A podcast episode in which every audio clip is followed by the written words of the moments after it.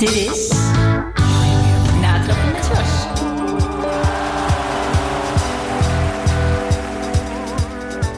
Ja, goedemiddag. Het is weer maandag 4 uur. Dat betekent dat we weer gaan natrappen met Jos. Mijn naam is Jos Lemmens en eh, ik heb weer eh, vierkante ogen van de afgelopen week alle sport te kijken. Want ondanks alles is er in ieder geval genoeg sport om over na te spreken. En dat gaan we dan ook zeker doen. En dat doen we uiteraard weer met mijn vaste sidekick Philip. Philip, goedemiddag. Goedemiddag. Wat heb jij allemaal zitten kijken gisteren? Nou, niet, niet veel eigenlijk. Eh, een beetje fietsen gezien, een beetje voetballen gezien. Maar eh, ik heb niet de hele dag eh, daarvoor me opgeofferd. Nou, gelukkig heb ik dat wel gedaan, dus ik ben echt wel op de hoogte. En de derde gast in onze studio, dat is de belangrijkste persoon meteen. Eh, onze gast uit de sportwereld. En dat is deze keer een hele mooie, want ik denk dat hij na André Rieu misschien wel de bekendste man van Maastricht is. In ieder geval de populairste na André Rieu. Hij is de schrik van de Tempeliers als het erop aankomt eh, van de verkiezingen wie er de nieuwe stadsprins gaat zijn. Nou, dit jaar eh, was het heel makkelijk eh, voor hem. Maar belangrijker nog, groot sportman. Want in 2017 heeft hij de Ironman eh gezwommen, gefietst en gelopen in 3 seconden onder de 11 uur. En dan heb ik het uiteraard over Tom Hamakers. Tom, welkom. Leuk dat je er bent. Ja, heel leuk. dank. Hey Tom, die 3 seconden alvast onder die 11 uur. Was dat je streeftijd, 11 uur? Ik was helemaal niet bezig met mijn, met mijn eindtijd, dus ik wist het echt niet. eh. Nou, mooi. We, nou, daar was ik eigenlijk- eigenlijk echt wel eh, benieuwd naar. We gaan dadelijk gaan we met jou praten over eh, met name hoe de liefde voor de sport is ontstaan. En dat doen we na Queen.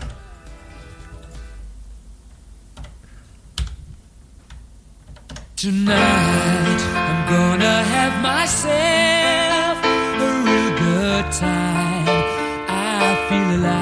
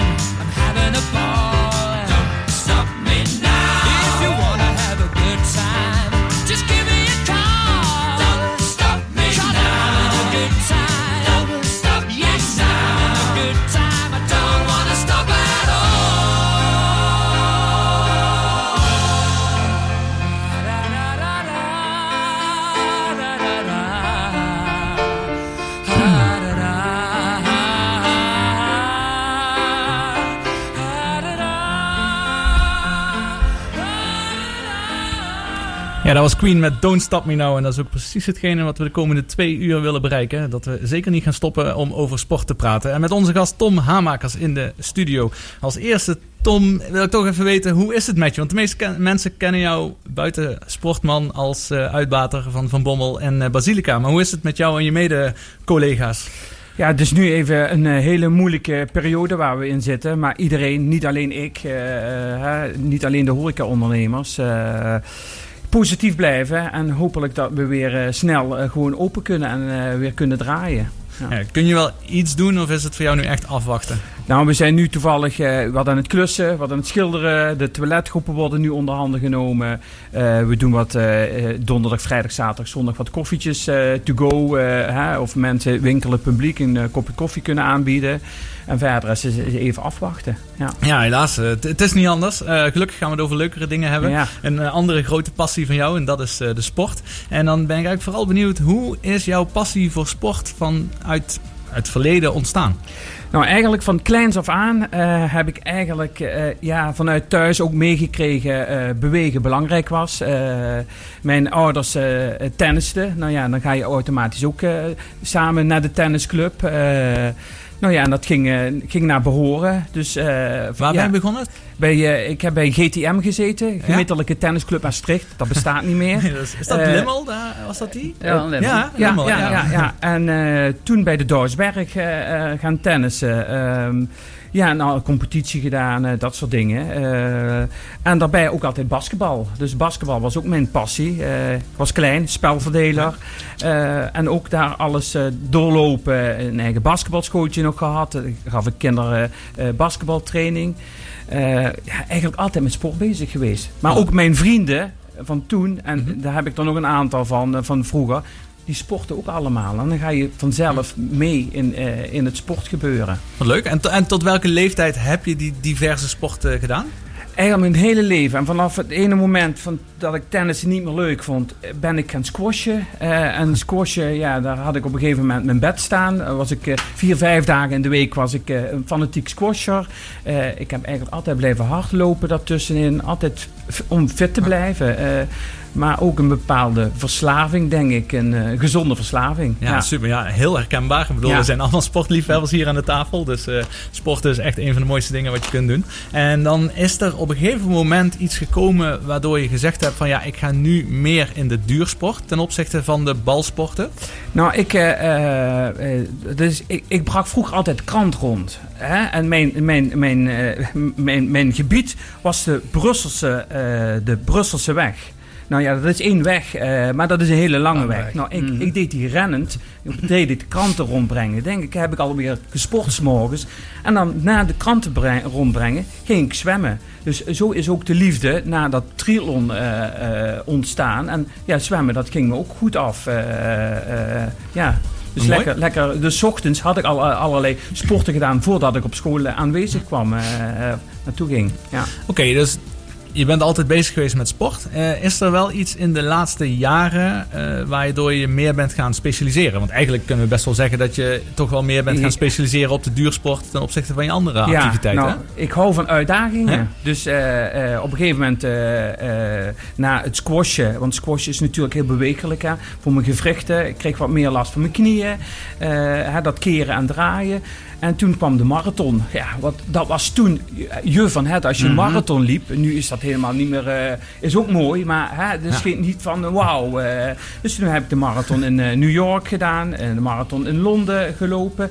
En steeds, ik ben altijd op zoek naar uitdagingen, naar iets, eh, eh, ja, iets vreemds, iets mafs. eh, eh. en dat is ook bergen beklimmen. Ik heb de Kilimanjaro beklommen, eh, de Cotapaxi, de hoogste werkende vulkaan ter wereld. Ook allerlei gekke dingen gedaan. Maar steeds weer, eh, ja, toen kwam weer de Ironman naar voren. Zo is dat eigenlijk van het ene naar het andere. eh, Want toen die allereerste Ironman in Maastricht kwam, wist je toen wel al van het bestaan af? Of was jij toen zo gegrepen dat je de eerste editie hier zag en dacht van ja, dat is mijn volgende uitdaging? Nee, ik wist wel van het eh, bestaan af. Dus ik had zoiets, goh, als ik dat ooit kan doen. eh, hè, en wat is dan mooier om dat in je eigen stad te kunnen doen. Ja, dan ga ik die met, met, met, met beide handen aan, eh, aan grijpen. Ja. Ja, daar gaan we dadelijk even over verder praten. Hoe je vooral hebt voorbereid op die Ironman. En dat doen we even na Kensington.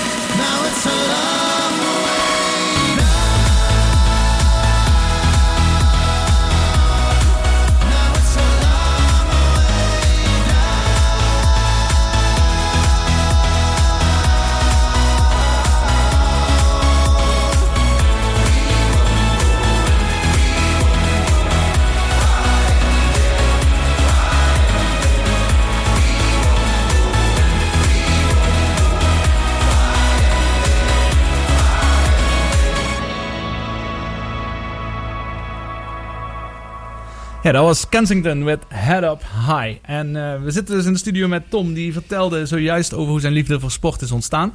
En op een gegeven moment eh, was er de Ironman in Maastricht. En Tom die had zo al snel zoiets van, hey, dit is hetgene wat we gaan doen.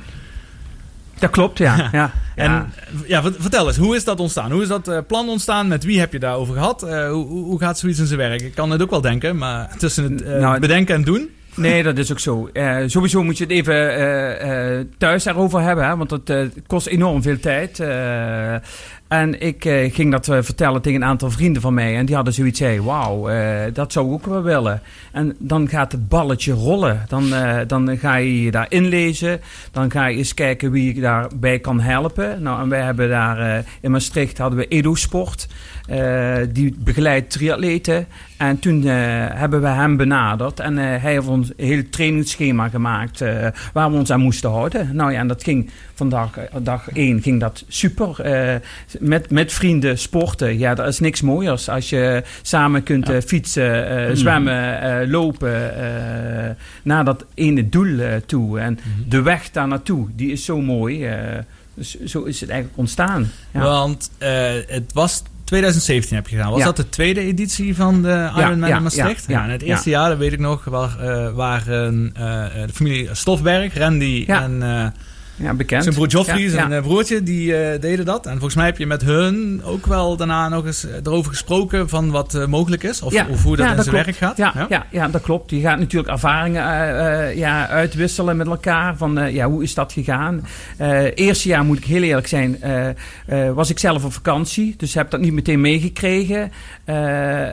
hoe dat hier in de stad was. Mhm, Maar ik heb ja. wel van horen zeggen natuurlijk. Dat het één groot feest was. En dat ik denk zeker. Dat, dat moet ik ook beleven. Ja, wel mooi. En dan heb je drie onderdelen. Nou, je was natuurlijk al redelijk een duur sporter op dat moment.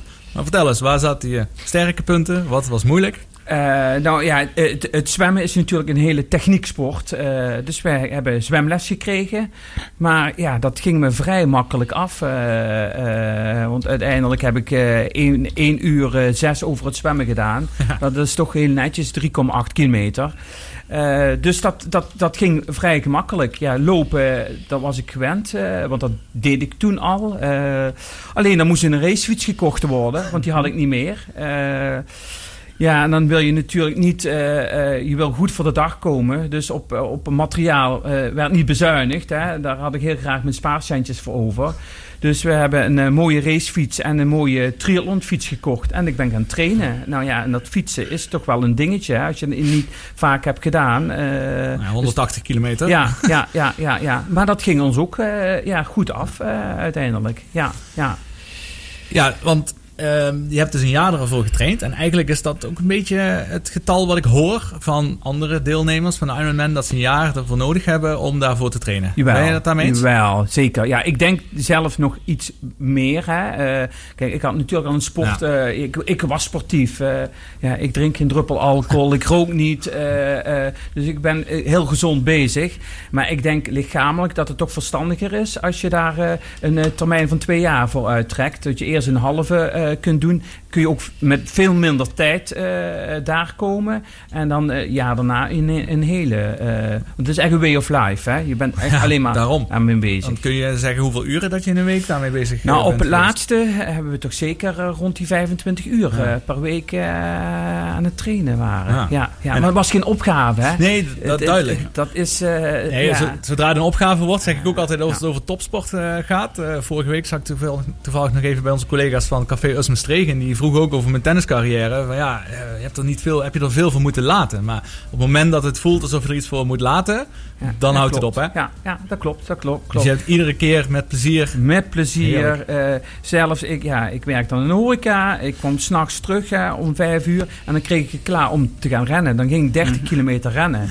En dan ging ik pas slapen. Oh. Zo, zo, zo maf. Zo, ja, Ja, want dat was mijn vraag. Je maakt natuurlijk veel uren in de nacht, zeker in het weekend. Hm. eh, hoe je dat oplost, maar dat is bijzonder. Ja, Dat, ja. dat, dat scheelt natuurlijk wel dat je niet drinkt. Nee, dat klopt. Nee, maar dat, dat is ook zo. eh, ja, en dat is eh, voor mij ook geen opge... Ik heb nooit daar iets om gegeven. En ik denk met, met horeca en sport en dan ook nog drinken, Nee. dat, dat, dat werkt niet. eh, nee. En als je naar die hele voorbereiding kijkt, zou er iets zijn waarvan je achteraf zegt van, dat had ik misschien anders gedaan? Eh, ik denk anders is meer rust pakken. Ah. Rust is toch heel erg belangrijk. eh, eh, dus je denkt alleen maar aan die. En ik wil die trainingen niet missen, maar ook af en toe eens op de rem eh, trappen. Lichamelijk. ja, ik ben bij Hero Motion, bij Maarten Thiele. Die heeft ons steeds onder handen genomen. Heel belangrijk. Maar ook de voeding. Ja, daar komt zoveel bij Ja. kijken. Ja, want blessures liggen natuurlijk op de loer. Die liggen niet op de dag zelf op de loer, maar juist in de, in de aanloop. Ja, ja. Ja, ja, de aanloop daar naartoe. Dus het is echt die, die Daar heb je geen last van gehad? Nee, nee afkloppen. Ik ben daar heel goed doorgekomen. Ja. Mooi. Nou, dadelijk eh, gaan we het erover hebben, met name hoe je die dag hebt ervaren. En toch, een, ik vind het een fantastische tijd wat je daar hebt neergezet. Daar gaan we het dadelijk over hebben. Eh, we gaan eerst weer even naar wat muziek luisteren.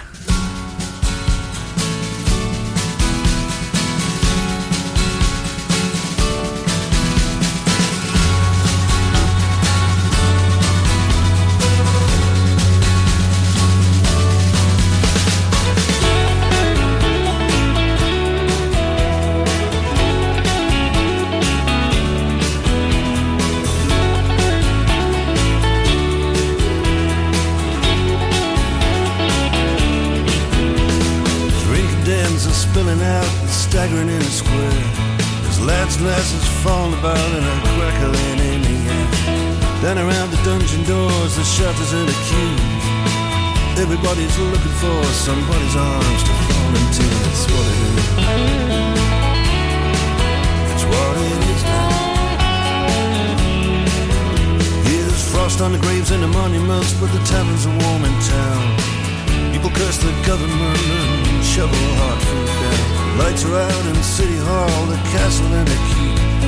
Moon shines down upon it all, the legless and the sleepless. Cold on the toll gate with the wagons creeping through. Cold on the toll gate, God knows what I can do. It's what it is. It's what it is. The garrison sleeps in the citadel with the ghosts and the ancient stones. High on the parapet, a Scottish piper stands alone. High on the wind, the Highland runs making a roll. Something from the past just comes and stares into my soul. Cold on the toll gate with a Caledonian moon. Cold on the toll gate, God knows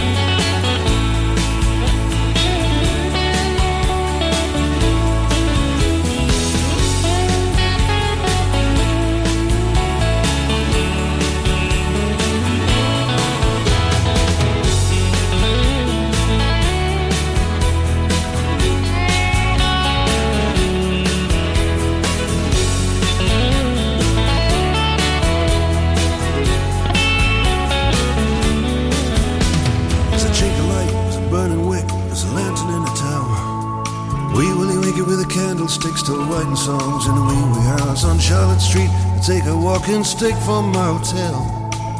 The ghost of Dirty Dick is still in search of Little Nell. That's what it is.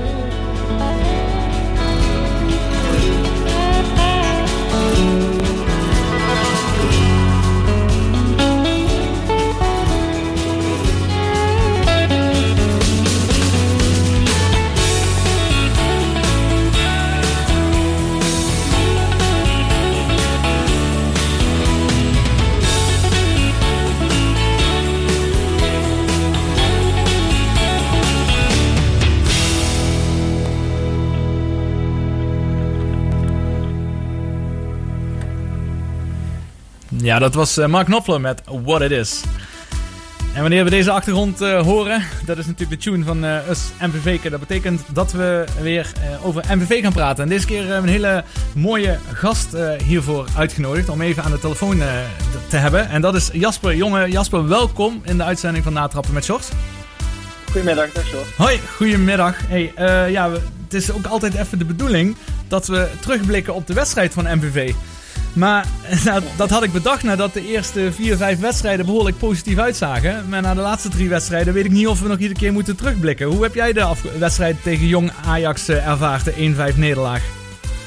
Ja, het kan zijn dat straks niemand meer opneemt als jij ze op maandag belt naar nederlaag. Maar eh, ja, op zich is het geen schande om van jonge Ajax te verliezen. Het is wel een ploeg eh, waar, waar alleen al als je kijkt naar het, het geld wat er omgaat, het geen schande is als je daar een keer van verliest. Maar eh, het was op zich jammer, want er had eh, eh, zeker de eerste helft een stuk meer ingezeten. En misschien had, was het ook gewoon eerlijk geweest om op 2-1 of misschien wel 3-1 te komen de eerste helft. En dan had je hem misschien wel kunnen winnen.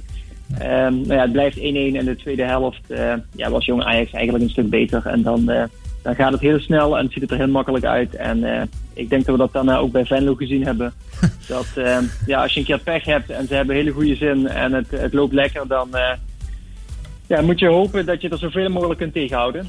Ja, ja, je hebt gelijk. Laten we in ieder geval eh, het positieve ervan pakken. Want ik ben het zeker met je eens. Ik vond de eerste helft echt een eh, goede helft van de MVV.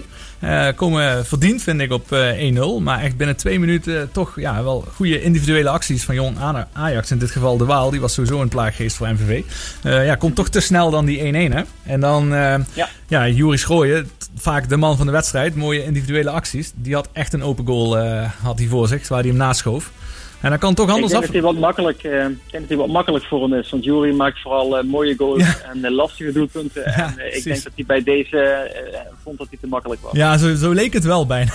Dus nee, maar klopt. Maar het had ook anders gekund. En dan zie je toch dat het ja, mentaal moeilijk wordt als je dan toch weer op een achterstand komen. En je zegt ook terecht dat die spelers van jong Ajax, ja, die individuele klasse, ja, dat is wel mooi om te kijken.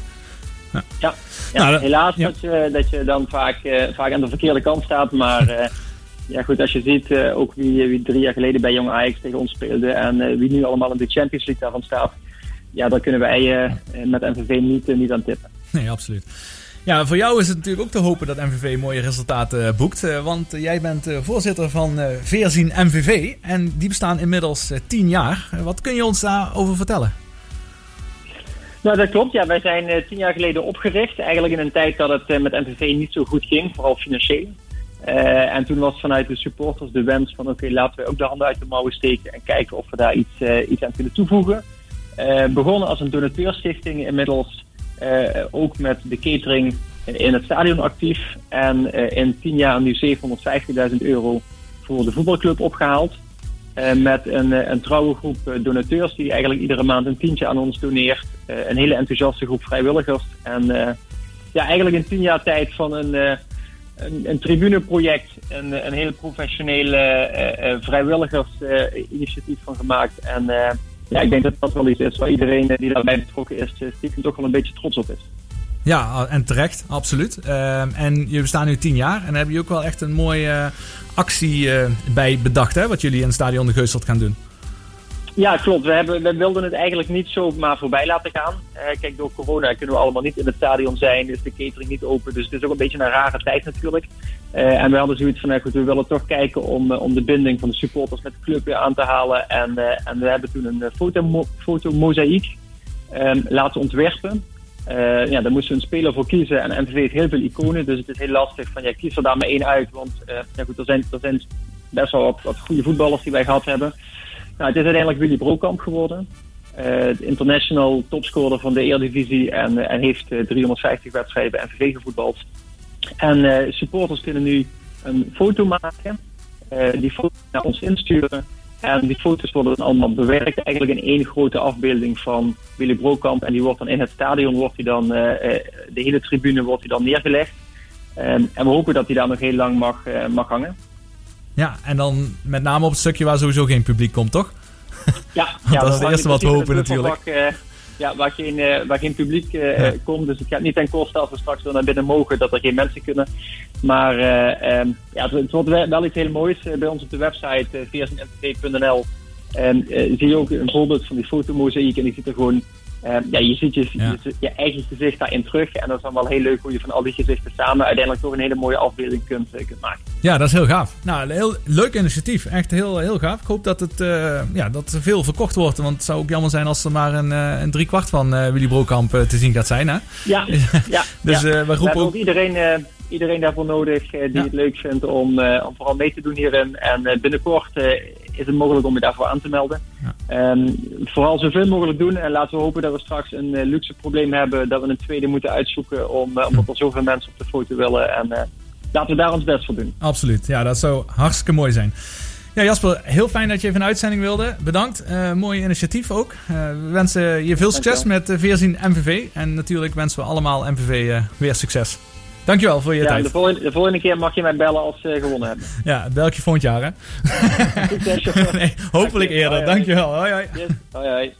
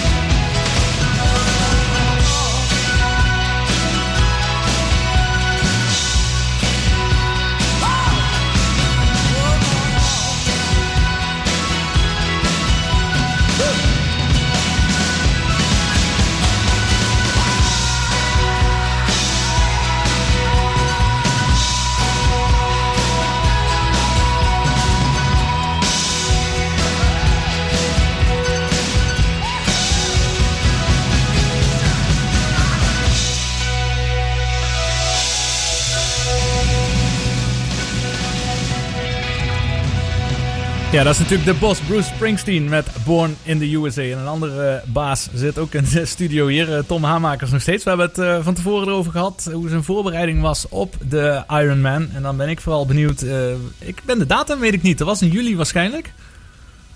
Ik, ik, ik weet het zelf niet meer. Het was in ieder geval zomer, Ja. dat, dat weet ik dat het normaal, normaal wel is. En dan was het opeens eh 7 uur s ochtends of zo en toen stond je aan de start. Nou, laten we Nee. eerst zeggen, hoe heb je geslapen en hoe werd je wakker? Ja, die dag eh, ervoor ja, slaap je bijna niet. Natuurlijk, alles, eh, eh, je hebt alles moeten inleveren. Hè? Je hoopt dat de, de, de fiets, de banden nog op spanning staan. Je, je controleert je spullen nog een keer s'avonds. Wat je allemaal mee moet nemen.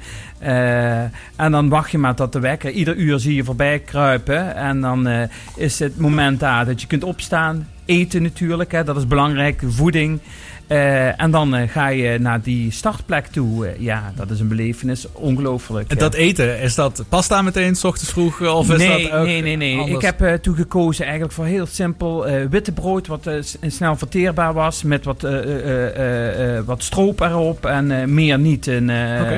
Dus dat viel eigenlijk wel Ja. reuze mee. ja, ja. Oké, dus sorry. Toen ging je naar de start, onbeschrijfelijk. Ja, ja, dat is natuurlijk dan. Daar heb je eh, de weg daar naartoe, die is zo mooi. En nu moet je het eigenlijk afmaken. En eh, je komt daar je vrienden allemaal tegen. Waar je eh, ja, heel wat trainingsuren. Ik heb meer mijn vrienden toen gezien dan, dan mijn eigen vrouw eigenlijk. Hè, want ik was alleen maar met spoor bezig.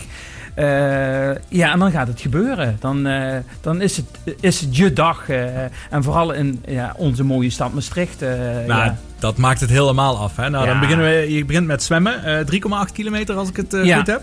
En wat me opviel, ik heb even naar je tijd zitten kijken vanmiddag. Ehm, je begon misschien zelfs wat voorzichtig. Ja. Eh, je eerste was eh, gemiddeld 2 minuten per 100 meter. En daarna eh, pakte je echt een halve minuut per 100 meter eraf. Ja, ja, dat ging. eh, sowieso heb je de stroming, hè? Mee en eh, tegen. Niet, eh, ze hebben die sluizen wel afge. Maar toch, eh, maar toch eh, zit er wel in. En ja, je bent onwennig. Je weet niet wat er gebeurt. Je raakt mensen om je heen. Hè? Ze noemen het ook wel de wasmachine waar je in terecht komt. Eh, weliswaar, dat valt wel mee, want je komt eh, om, de, om de zoveel seconden wordt er iemand in het water eh, gelaten in de Maas. Ja, en het, zwemmen ging op zich goed. Alleen ik moest toen bij, de, bij het pro- provinciehuis even eruit en dan weer terug. En toen was mijn brille- brilletje beslagen. Dus dat is dan even vervelend. eh, maar ik herpakte me snel. En eh, ja, 1 uur 6 was, het, eh, was ik klaar met het zwemmen. Dus Ja. ja, ja dan, gaat, dan ga je op de fiets verder. eh, Ja. ja. Ja, knap. Zeker als je, wat, ik kan me heel goed voorstellen als je eerste keer dan, nou je had wel vaker in open water gezwommen natuurlijk. Ja. Maar dan met zoveel man, Ja. ook al gaan ze achter elkaar. Ja, het is toch een slaan en schoppen daar ja, in het water. Ja, ja, Ja. ja. Nou, interessant. En toen ging je dus op de fiets. Nou, ik heb wel één vraag. Hoe kun jij het Limburgse Heuvelland 180 kilometer, gemiddelde van 30 km per uur fietsen? Nou, ik had zelfs nog iets, eh, iets harder gefietst Ja, hoor. sorry. Eh, eh, het was 3,34 gemiddeld had ik gefietst. Nou, weet je, daar is niks op het parcours. Hè. Alle, alle straten zijn afgesloten. Je hebt natuurlijk enorm goed getraind. dus ja, die, die trainingsuren zijn niet voor niks geweest. En, en ja, dat merkte ik tijdens het fietsen. Ik had geen dip, goed gegeten, goed gedronken. Dus het ging vanzelf. Ja, ja. Ongelooflijk. Je hebt 5 uur en 38 minuten op die fiets gezeten. En dan continu eh, op dat niveau fietsen. Ik vind dat zo knap. Ik bedoel, ik ben zelf een hobbyfietser in het weekend op de wielrenfiets. Met mijn vriendin eh, fietsen we graag, eh, ja, maar ja, meestal 50, 60 kilometer in het Heuvelland. Maar een 30 gemiddeld ga ik daar niet in halen. ja. Maar ik ja, snap dat ik niet zo getraind ben, Nee, maar oké, eh, maar toch is dat echt goed. Ja, ja, nou, ik was ook niet ontevreden. Hè? Eh, want het is ook, natuurlijk heb je het al een paar keer gefietst. En het zijn twee, twee ro- dezelfde rondes hè, wat je fietst. Eh, en je moet het alleen doen. Hè? Je mag niet eh, achter iemand Nee. aan. want er is steeds de, de jury rijdt met motoren langs. En dan Mhm. krijg je dus ook die gele kaart of whatever. Ja.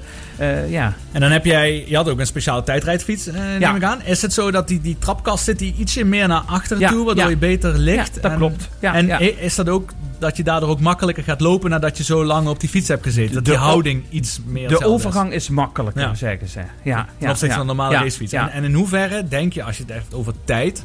In hoeverre zou zo'n fiets jou helpen in tijd ten opzichte van dat je een standaard racefiets, goede racefiets hebt? Ik denk dat dat toch wel heel eh, makkelijk een half uur zal schelen. Echt, ja? Ja, ja, ja, ja, ja. Die aerodynamica, eh, eh, ja, die, die fiets is daarop gemaakt. Op, op, op, op, ah, alleen te fietsen. En jawel, dat scheelt het wel. hoor. Ja, ah, ja. Ehm, en even met fietsen. Ja, water heb je, staan ook heel veel mensen langs de kant. Maar daar maak je niet zoveel, eh bij, daar zie je niet zoveel van. Maar ja, je bent natuurlijk een bekend persoon in eh, Maastricht. En eh, ik weet nog dat je volgens mij op je Facebookpagina toen gezegd hebt... de keren dat je Tommy langs de Ja, zijkant gehoord hebt, was ontelbaar. Ja, dat is zo mooi. Op Ja. een gegeven moment weet je, daar staan die supporters, daar staan dat groepje. Ja, Ja. dat is fantastisch. Moesten de Hallenbaai twee keer opfietsen. Ja, dat is, het is een berg van niks, maar op dat moment is dat best, een, best een. Pittige berg. Ja. Nou ja, dan wist je, daar staan die en dan eventjes weer wat extra gas geven, Ja. wat extra motivatie. Eh, ja, dat was super. Ja. Gaaf. En dan als laatste, dan heb je, dat lijkt mij het moeilijkste. Kijk, eh, zwemmen, denk ik, ja, dat kun je leren uiteindelijk om dat te fietsen of om dat te halen. Fietsen, denk ik dan, oké, als ik veel train, zou ik dat ook kunnen. Maar dan nog een marathon erachteraan lopen. Ja, ja, dat is ook toch wel een dingetje. Hè? Ja. Dus die, eh, dat, die koppeltrainingen heb je natuurlijk wel geoefend. Hè? De overgang van fietsen op lopen is natuurlijk wel al, even... Hoe, hoe ga ik dat eh, ja, verbrengen? Eh, ehm, maar het is op zich... je, je, je gaat snel, te snel van start. eh, In die marathon. in die marathon. Ja. Je hebt dat ritme van dat fietsen, die Ja. benen, die snelheid van die benen. Ik denk Dus ook dat- adrenaline. Op het Ja. moment dat je begint aan lopen, denk je van wauw, alleen, alleen nog maar Nu nog maar even vier rondjes eh, van 10 kilometer. Of ja, uiteindelijk 42 eh, kilometer en 195 meter. Maar dat was één groot feest. Dat was echt één groot feest. eh zoveel mooie aanmoedigingen. En ja, dat is kippenvel. Dat is echt, eh, dat is Ja. echt het, eh, het sportmoment.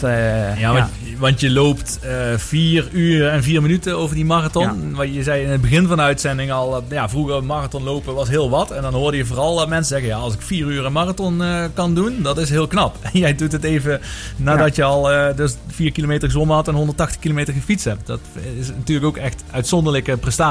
Maar dan eh, met name, ik zag even ook in je tijden daar, dan, eh, eh, daar zat een klein beetje vervallen. In het Ja, eerste ja, stuk zat je op vijf minuten. Vijf en een halve minuut per kilometer. Of dat is echt een serieus hardlooptempo. Ja. eh, goed hardlooptempo. Maar meer voor de meeste mensen als ze 10 kilometer gaan Mhm. lopen. En op een gegeven moment zie je op het einde ging je naar die zes eh, minuten toe. Was dat eindelijk het moment dat je het zwaar kreeg? Ja, nou, eh, je moet dan dat heuveltje bij andere Rieu oprennen. nou ja, dat ben ik toen op een gegeven moment maar gaan wandelen. Want dat was niet meer Ja. te doen. Ik denk, rennen kost veel meer energie als wandelen. En dan zie je aan de, aan de gemiddelde tijd eh, zie je dan teruglopen. Maar dat is ook helemaal niet belangrijk. Je moet eh, de fin- finish halen. En dat, dat is gelukt uiteindelijk. eh, Ja. ja. Ja, eh, kun je dan even dat laatste stukje nog eh, omschrijven? Als je daar in de buurt van die markt komt met ja, al... dat is zo- zo'n eh, zo'n kick. eh, ja, dat gaat ook zo snel voorbij eigenlijk. Zo jammer. Hè? en dan zegt die omroeper, you are an Ironman. Ja, dat is, dat is geweldig. ja, ja, dat was echt een, echt een kippenvel momentje. Ja, nou, ik krijg het er ook van. Ik vind het echt gaaf om te horen hoe je dat beleefd hebt. En ik vind het sowieso een geweldige sport. Eh, en ik, ik hoorde dat het wellicht wel weer terug gaat komen in Maastricht. Ik heb via eh, allerlei geruchten dat komend jaar de halve Mhm. eh, zou plaatsvinden. En het jaar daarna weer de hele. Maar van horen zeggen. Ja, dus, dat eh, snap ik. Dat zou fantastisch zijn als Ja. ze dat heel snel kenbaar maken. Want dan heb je twee jaar om daar naartoe te trainen. En dat is natuurlijk voor heel veel Ja. eh, recreatieve sporters is dat geweldig. Kun je eerst de halve doen hier in Maastricht. En het jaar daarna de hele. Ja, mooi. Fantastisch. Ja, mooi verhaal Tom. Super. Eh, we gaan even naar eh, muziek luisteren. We luisteren eh, zo dadelijk naar The Empire State of Mind van Jay-Z en Alicia Keys.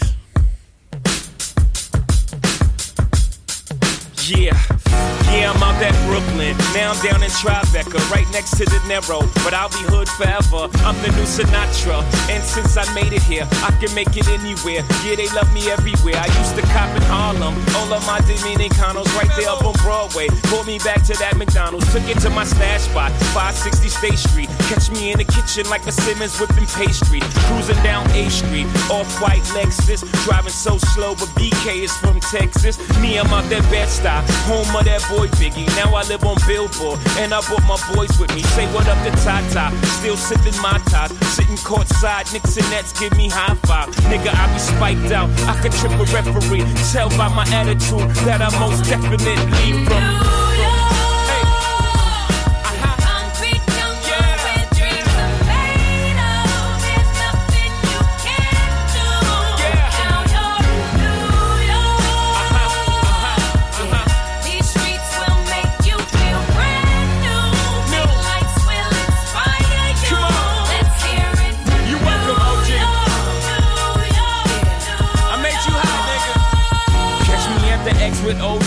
A Yankee game. Shit, I made the Yankee hat more famous than a Yankee can. You should know I bleed blue, but I ain't a crypto. But I got a gang of niggas walking with my click though. Welcome to the melting pot. Corners where we selling rock. Africa been by the shit.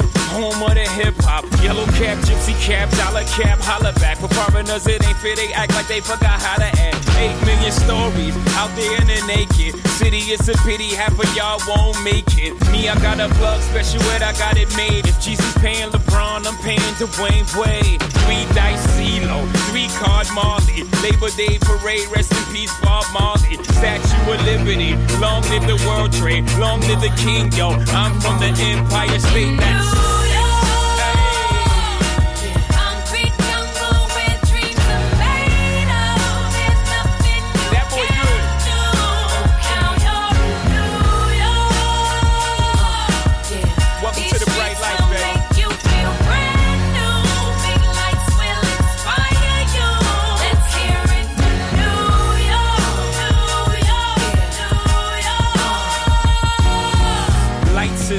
is blinding. Blinders so they could step out of bounds quick. The sidelines is lined with casualties who sip the life casually, then gradually become worse. Don't bite the apple eve. Caught up in the in crowd. Now you're in style. And the winter gets cold. In vogue with your skin out. City of sin. It's a pity on a whim. Good girls going bad. The city's filled with them. Mommy took a bus trip. Now she got a bust out. Everybody ride her just like a bus route. Hail Mary to the city. You're a virgin. And Jesus can't save you. Life starts when the church in. Came here for school. Graduated to the highlight. Ball players, rap stars addicted to the limelight. Empty in May. Got you feeling like a champion. The city never sleeps. Better slip you an ambient.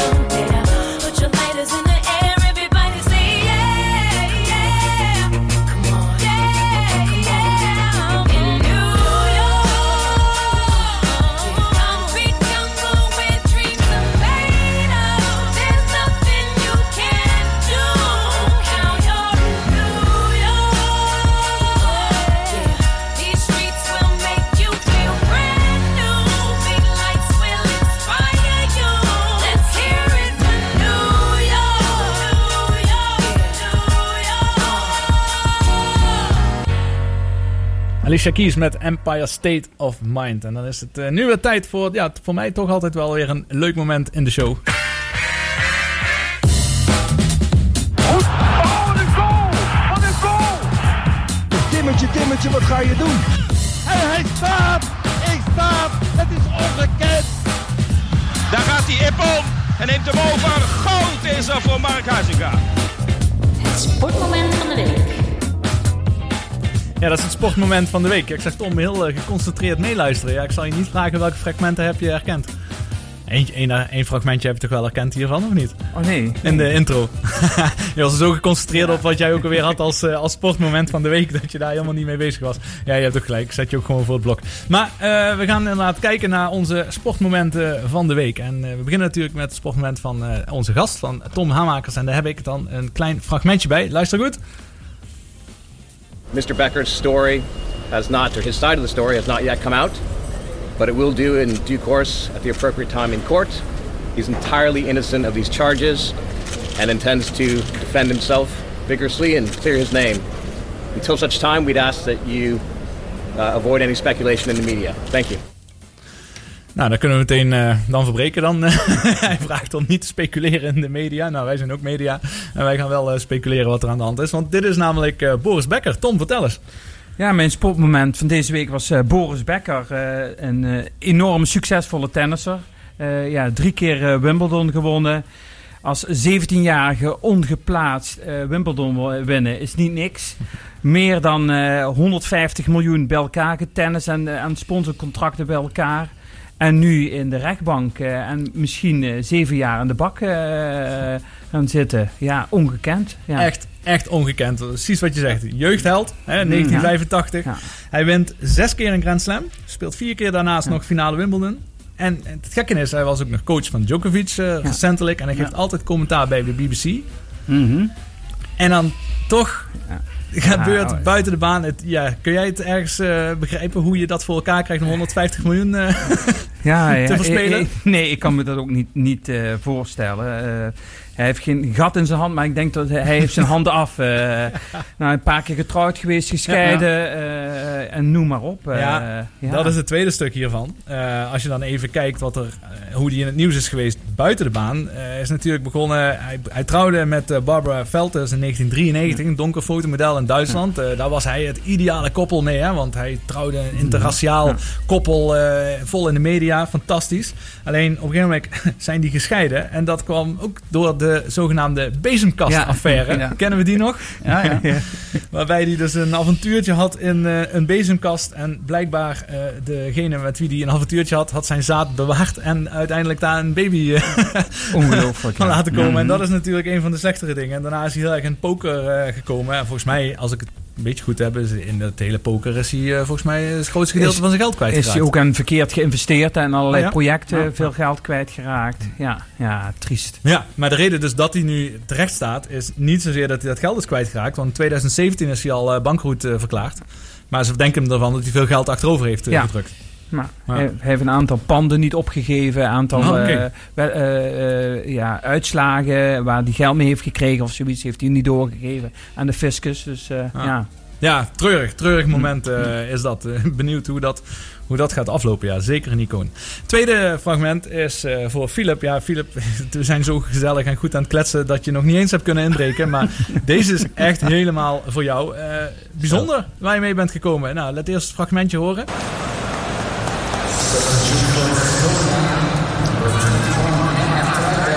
Zij kwam toch in de rust er pas in.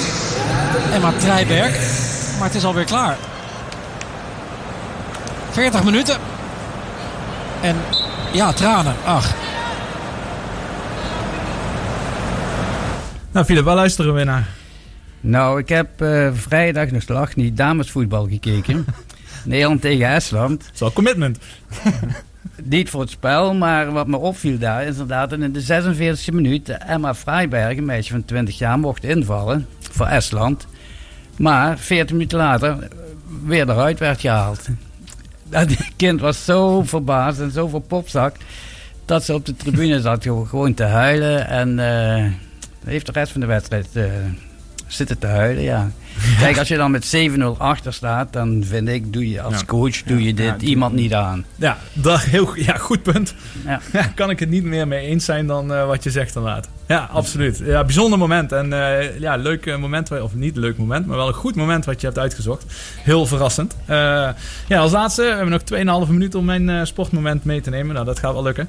Ehm, die komt uit Amerika, want dat zien we niet zo heel vaak in, in Nederland. Maar daar zijn op dit moment de World Series bezig. En de laatste wedstrijd, nou eerlijk gezegd niet de laatste wedstrijd, want vannacht hebben ze weer gespeeld. Maar de vierde wedstrijd had een bizarre ontknoping.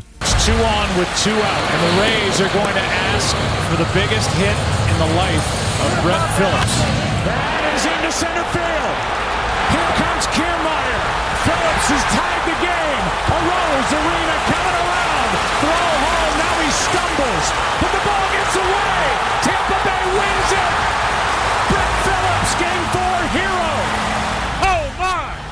Ja, dat zou is natuurlijk moeilijk dat het op de radio is. Maar heel kort eh, gezegd, daar is de World Series bezig. Oftewel het wereldkampioen, eh, wereldkampioenschap eh, baseball. Waar twee bijzondere teams tegenover elkaar staan. De LA Dodgers, een miljoenen fabriek eigenlijk. Spelers die miljoenen verdienen. Daar, die hebben sinds 1988 ook niet meer de World Series gewonnen. Maar die spelen tegen de Tampa Bay Rays. En dat is pas interessant, want die hebben bijna geen budget. En dat is echt een voorbeeld van hoe maak je een team. En hoe zorg je ervoor dat je als team een finale gaat halen en speelt. Die hebben zelfs normaal gezien heel weinig eh, toeschouwers op de tribunes. De tweede ring van hun stadion is zelfs gesloten omdat er te weinig mensen komen kijken. En dan sta je nu dus als klein ploegje eigenlijk is een beetje nou, MVV eh, en die in de Champions League opeens eh, terecht gaat komen. Zo is het. En in die wedstrijd eh ja, achtte iedereen hun natuurlijk kansloos tegen een groot bedrijf als de LA Dodgers. Maar het was de, de, de vierde wedstrijd, het was 2-1 voor de Dodgers en onderling resultaat. En in de allerlaatste inning staan ze 7-6 achter.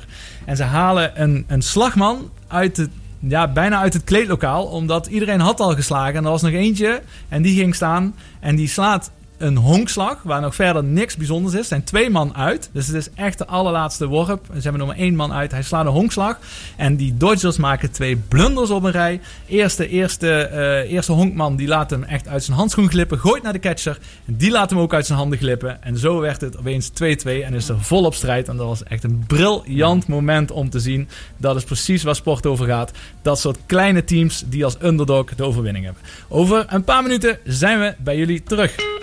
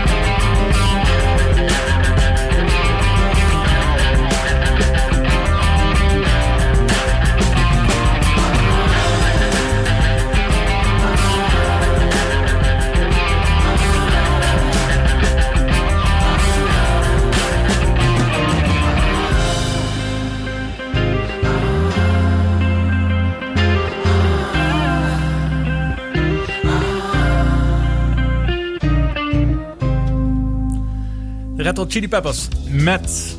Oh, daar gingen ze al eh, verder op de volgende plaat. Maar dat kwam omdat hij nog waarschijnlijk op automatisch stond. In ieder geval, dit waren de Red Hot Chili Peppers met Dark Necessities. En als het goed is, zijn dat de headliners van Pinkpop volgend jaar. Als, als. Daar gaan we het eh, niet over speculeren. Maar waar we het wel over gaan hebben, is eh, weer over een duursport. En dan niet zo'n klein beetje, want we hebben Tom Hamakers in de studio, zoals je in het eerste uur hebt kunnen horen. Vertelde hij al over zijn ervaring als Ironman. En eh, ook dat hij houdt van uitdagingen. Ja, en als je de Ironman hebt gedaan en je wilt weer een stapje verder, Tom. Ja, dan, eh, dan wordt dit jaar, of eh, ja... Dit is Het nu- zou dit jaar geweest zijn, Het zou maar- dit jaar, het is nu alweer twee keer uitgesteld. Het gaat de Marathon de Sabelen worden. En de Marathon de Sabelen is de eh, zwaarste ultraloop ter wereld. Eh, 250 kilometer. In de Mhm. Sahara van Marokko eh, ga ik eh, hardlopen. Ja. Ja, dat is heel bijzonder. Dan kom ik weer met dezelfde vraag. Waarom? Ja, maar waarom? hoe verzin, hoe verzin je het? Hoe kom je ja, erop? Het is een, eh, ja, het was altijd een droom van mij. Eh, eh, alleen, ik wil zoiets niet alleen doen. Ik wil dat met vrienden samen doen. En toen kreeg ik op een gegeven moment een appje van een vriend van mij, Bert Voren, een oud beroepsmilitair. En die had zich ingeschreven voor de Marathon de Sabelen. Dus ik dacht, dit is mijn kans. Nou, en toen heb ik mezelf ook ingeschreven. En uiteindelijk gaan we nu met, Mhm. met zes mensen vanuit eh, Maastricht eh, gaan we richting eh, Marokko om de Marathon de Sabelen te lopen. Ja. Ja, dan even voor de beeldvorming. Marathon de Sable. Philip, mocht je er nog niet van gehoord hebben. 254 kilometer. Door het zand. Door het zand. ja. Ehm, zes etappes van zeven dagen. eh, waarvan de, de temperaturen natuurlijk overdag boven de 40 komen. En s'avonds eh 5 graden Celsius. En het is zelfvoorzienend. Dus je moet een rugzak eh, meenemen met je eigen... Ja, niet je eigen tentje, maar wel je eigen slaapzak. En Ja, eten. Alleen voor drinken wordt er nog gezorgd. Dat verhaal. Dat ja, hoe ga je je daarop voorbereiden? Nou ja, hoe begint zo'n proces? Ja, natuurlijk met die, eh, die vrienden die, eh, die ook enthousiast raakten. eh, ook een trainingsschema. Nu worden we getraind door Lars Karmelk, is een top triathlon, eh, triathloncoach. Die duursporters ook helpt. En die, die heeft een heel trainingsschema voor ons gemaakt.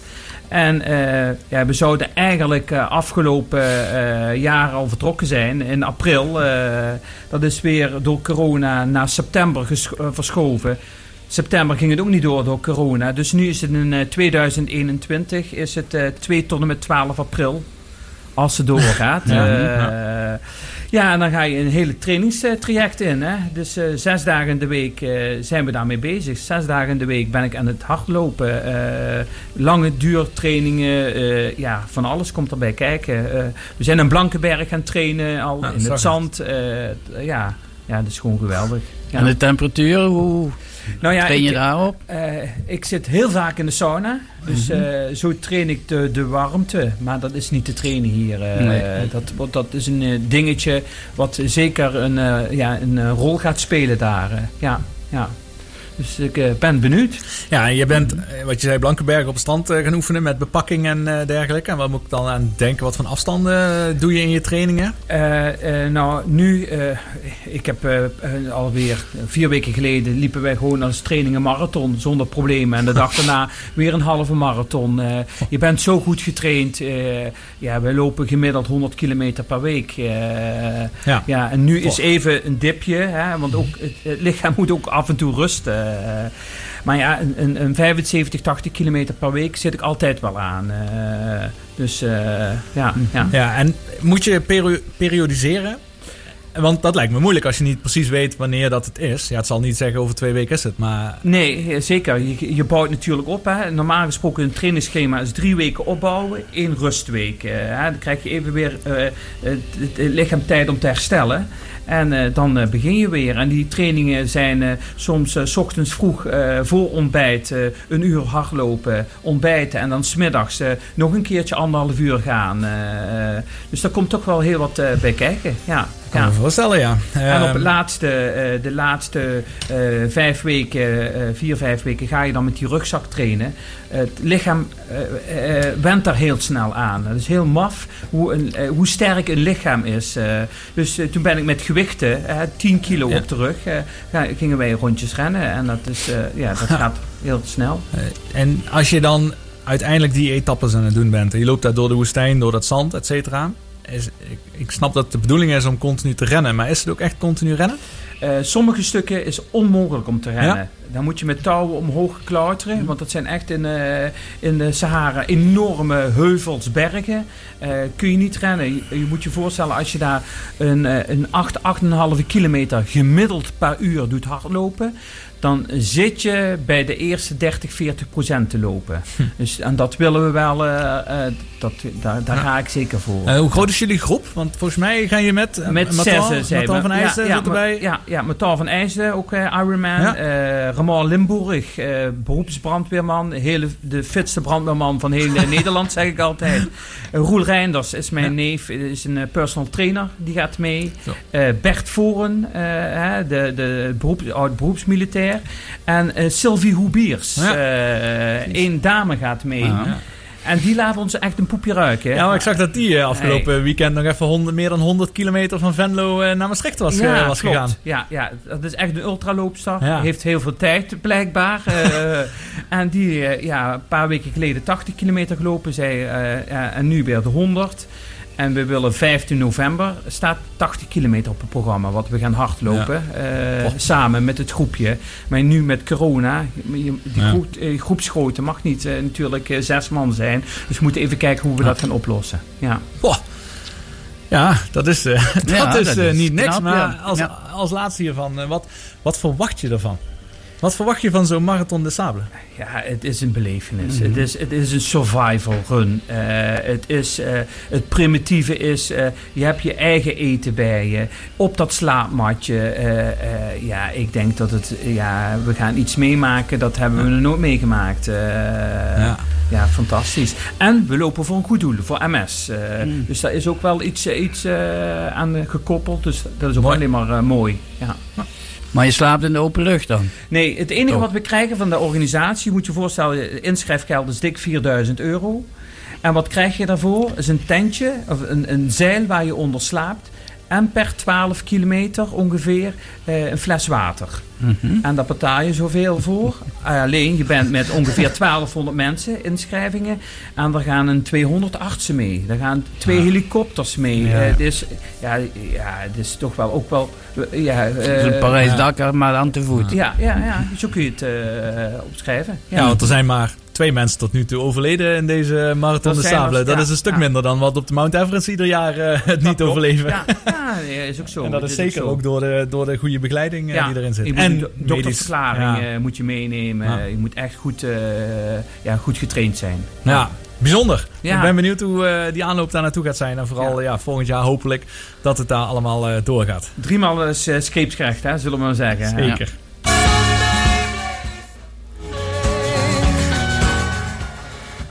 Die startte niet zo mooi in, hè? die zat al midden in eh, Sunday Bloody Sunday. Eens kijken of die nu wel een ander liedje anders goed kan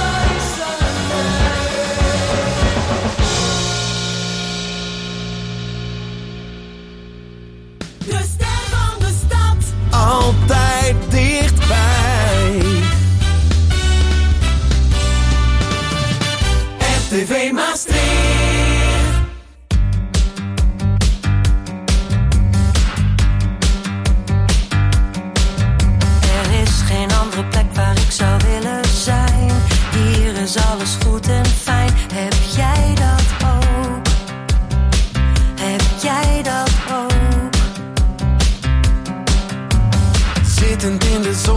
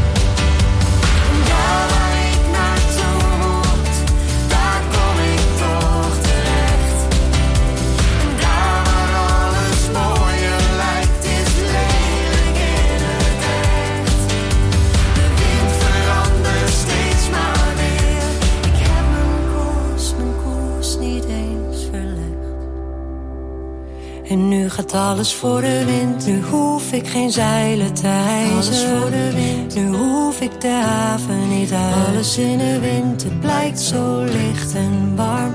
Hier in mijn huis en zonder plan. Ik ben al lang de horizon voorbij. En nu gaat alles voor de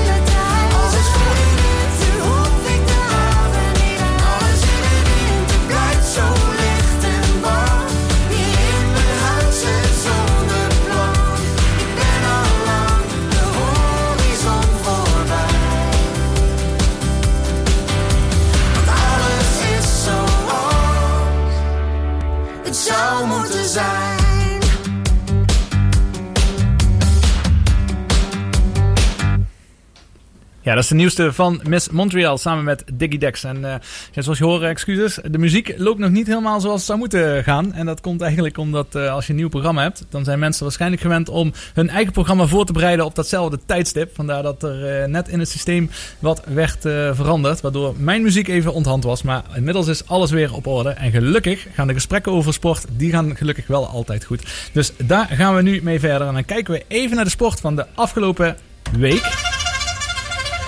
En dan kunnen we niet eromheen eh, wat er allemaal gebeurd is in de Giro d'Italia. Philip, wil jij die aftrappen? Want dat was wel een eh, bijzondere ontknoping. Nou, zoals ik verleden week al zei, het is een, een loterij. En eh, nu zag je dat ook. En, en je kunt wel zeggen van onze Nederlandse vriend... Wilco Kelderman? Kelderman, dat hij heeft laten liggen. Maar volgens mij heeft die man op, op de uiterste best gedaan. En, en op, op eh, de rand van zijn, eh, van zijn kunnen gepresteerd. Zeker weten. Nou, even heel kort samengevat voor degenen die het op de een of andere manier gemist hebben. Maar als je naar dit programma luistert, dan kun je dat niet gemist hebben. Omdat je ook gewoon te maken hebt met, eh, met sport. En ondertussen valt hier ook al het licht uit in de studio. Dus het wordt, wordt hilarisch. Maar goed, we gaan rustig verder alsof er helemaal niks aan de hand is. We begonnen met de show must go on, dus daar gaan we ook mee verder. Maar voor degenen die het gemist hebben, het was natuurlijk heel lang zag het ernaar uit alsof Wilco Kelderman de tweede Nederlander ging zijn die de roze trui ging winnen in de Giro. Met hetzelfde startnummer als eh, Tom Dumoulin trouwens. Was wel een eh, grappig detail. Hij had eh, op een gegeven moment, nadat Almeida eindelijk een keer was gebroken, had hij bijna drie minuten voorsprong. En toen kwam die fantastische berg, de Stelvio. Tom, heb jij, ben je überhaupt er alles geweest? Nee, ik heb hem zelf helaas nog niet mogen oprijden. Nee, maar het Acht- is, 48 haarspeldbochten. Ja, ja, het is drie keer, Waanzinnig. drie keer de Alpen de West, hè, zeggen ze, hè, boven elkaar. Ja. Dus Mhm. ja, het Ja. schijnt giga te zijn. Waanzinnig. En ik vond het de briljante etappe. Eh, toen Rowan Dennis iedereen op kop joeg. Eh, hij kreeg Gigan Hart, die uiteindelijk gewonnen heeft, mee. Eh Joe Hindley, die van Sunweb ook eigenlijk Kelderman zou helpen. Omdat hij ook nog ver achter zat in het klassement op dat moment. En Kelderman met zijn vieren. Ja, Kelderman kon dat logischerwijs wat Fiedebal terecht zegt, kon op een gegeven moment niet meer aan. Waardoor eh, de drie eh, rijders doorgingen ehm, en Kelderman zijn, zijn, zijn voorsprong zag verdwijnen. En toen kwam die grote discussie en die wil ik aan jullie eh, wel vragen allebei. Tactieken. Er zijn mensen die zeggen eh Hindley had moeten blijven bij Kelderman om het verlies te beperken. Maar je kunt ook zeggen, ja, eh Hindley moest mee omdat hij anders achterstand op zou lopen ten opzichte van eh Gegenhardt. Ja, je weet niet wat de stalorders zijn, hè? Wat, de, eh, wat de ploegleiding natuurlijk eh, heeft gezegd tegen die mannen. Maar dat, zal, dat, dat scenario wordt natuurlijk altijd doorgesproken in de bus op weg naar, eh, naar de start. maar wat zou jouw scena- scenario geweest zijn? Ja, ik denk hoe ze het nu hebben gedaan, zo had ik het ook gedaan. Ja.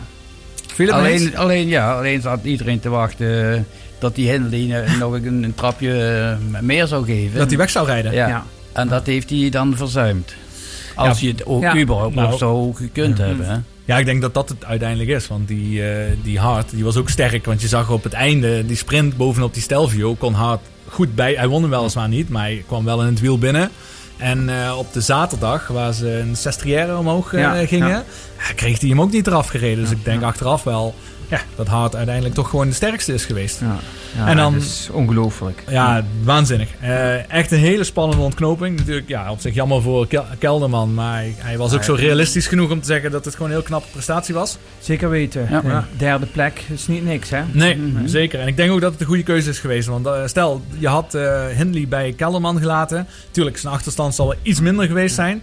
Maar dan gehaald. had hij het nog niet mee gehaald. En eh, in de tijdrit ja, eh, was het ook niet eh, goed gekomen. Dus ik denk dat Sunweb een hele mooie Giro gereden heeft. Ja. Met een tweede en een derde plaats. Dat was, ja, dat was echt wel echt een heel mooi, heel mooi moment was dat. Maar iedereen zegt wel Gegenhard. Maar ik zou wel eens willen weten hoe een echte Engelsman dat uitspreekt. Ik, ik heb het overgenomen van eh, onze collega Sander Kleikers van, eh, van Eurosport. Die over eh, twee weken trouwens de gast is. Sander Kleikers. mooi. Omdat dat de dag na de Giro, eh, de Vuelta natuurlijk, al die, ren, al die rondes. Na de Vuelta dan eh, zit hij hier bij ons in de studio. En hij doet voor Eurosport eh, het Ja, commentaar eh, daar. En ook een hardloper, hè? Ook Ah. marathon eh, Ja? gelopen. Ja, goed. Goed, ja, om, eh, ja. goed om dat Ja. te weten. Goede voorinformatie. Ander groot sportevenement gisteren. Waar ook weer records eh, verbroken zijn geworden. In ieder geval eentje. Dat was de Formule 1. Ja. Met Lewis Hamilton nu als enige 92 eh, Formule 1 overwinningen. Tom, Ongelooflijk. liefhebber? Ja, ik ben zeker ook een liefhebber. eh, Was je ja. al voor Max Verstappen of eh, sinds Nou, Max Verstappen? Nee, ik was al, ook, ook al voor. eh, ja, ook een geweldige sport om te zien, om te kijken. Ook vaak naar Spa-Francorchamps gaan kijken. Oké. Dus eh jawel, echt een feestje. Ja. Ja, mooi. Hoe vond je de race gisteren of hoe vind je het seizoen tot Ja, dusver? ik vind het ja, jammer dat gewoon Max verdient meer. hè? Steeds een mooie Ja, derde plek wel. Ja. Maar ja, hij komt ja, iets te kort door. Ja, ik zou wel eens willen weten als ze hè, met een Ja. twee eh, voorop zouden kunnen strijden. Hè? Op In, hetzelfde materiaal Ja, zouden juist. hebben. Ja, Ja, ja, Mhm, ja, ja. ja. Ja, zou dat ooit gaan gebeuren? Ja, wie weet. Ja. Volgende week vragen we dat zeker aan Xavier Maas. Hè? We het toch over gasten hebben. Volgende Ja. week is Xavier Maas hier. Coureur en die is natuurlijk insider. Kunnen we over de Formule 1 hebben. Dit weekend is weer een race eh, van de Formule 1. Dus eh eens kijken wat daarover gezegd gaat eh, worden. Ja. Maar Lewis Hamilton, is dat een klasse apart? Of vind jij ook dat een Schumacher niet vergeleken mag worden met een Lewis Hamilton? Omdat het in verschillende eras, verschillende tijden zijn. Ja, vind ik ook. Wat, welke Ja. van die twee? Nee, ik vind dat je het niet kunt vergelijken. Ja. Hè, eh, dus nu ook heel andere, eh, andere eh, mogelijkheden met materialen, hè, met motorisch. eh, ja. Ja, want ik weet niet, Niet want jij volgt het ook al lang, maar vroeger bijvoorbeeld toen een Schumacher deed rijden, waren die verschillen toen ook zo groot met het materiaal? Dat hij met Ferrari bijvoorbeeld eh, net zo makkelijk wegreed dan een Hamilton met Mercedes? Ik nu dacht het niet. Nee, Die, nee. die, die liep geen 20, 30, Oh ja. 40 seconden van de rest uit. Nee. Nou, dus, dus in dat geval is het wel erg moeilijk Ja. inderdaad om die twee te vergelijken. Mhm. En, eh, ja, wie weet volgend jaar met nieuwe reglementen dat er weer iets eh, gaat...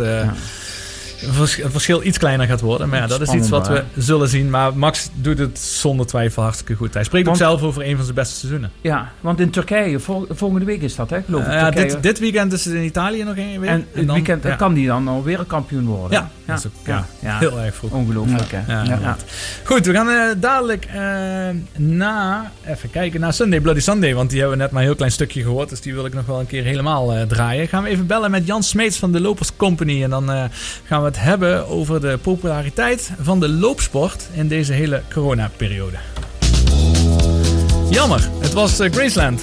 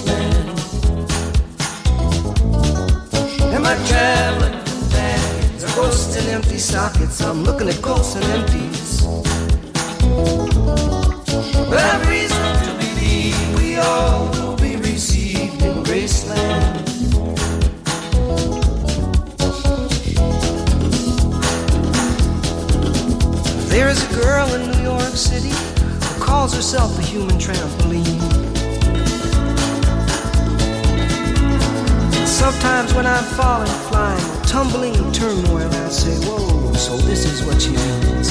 She means we're bouncing into Graceland.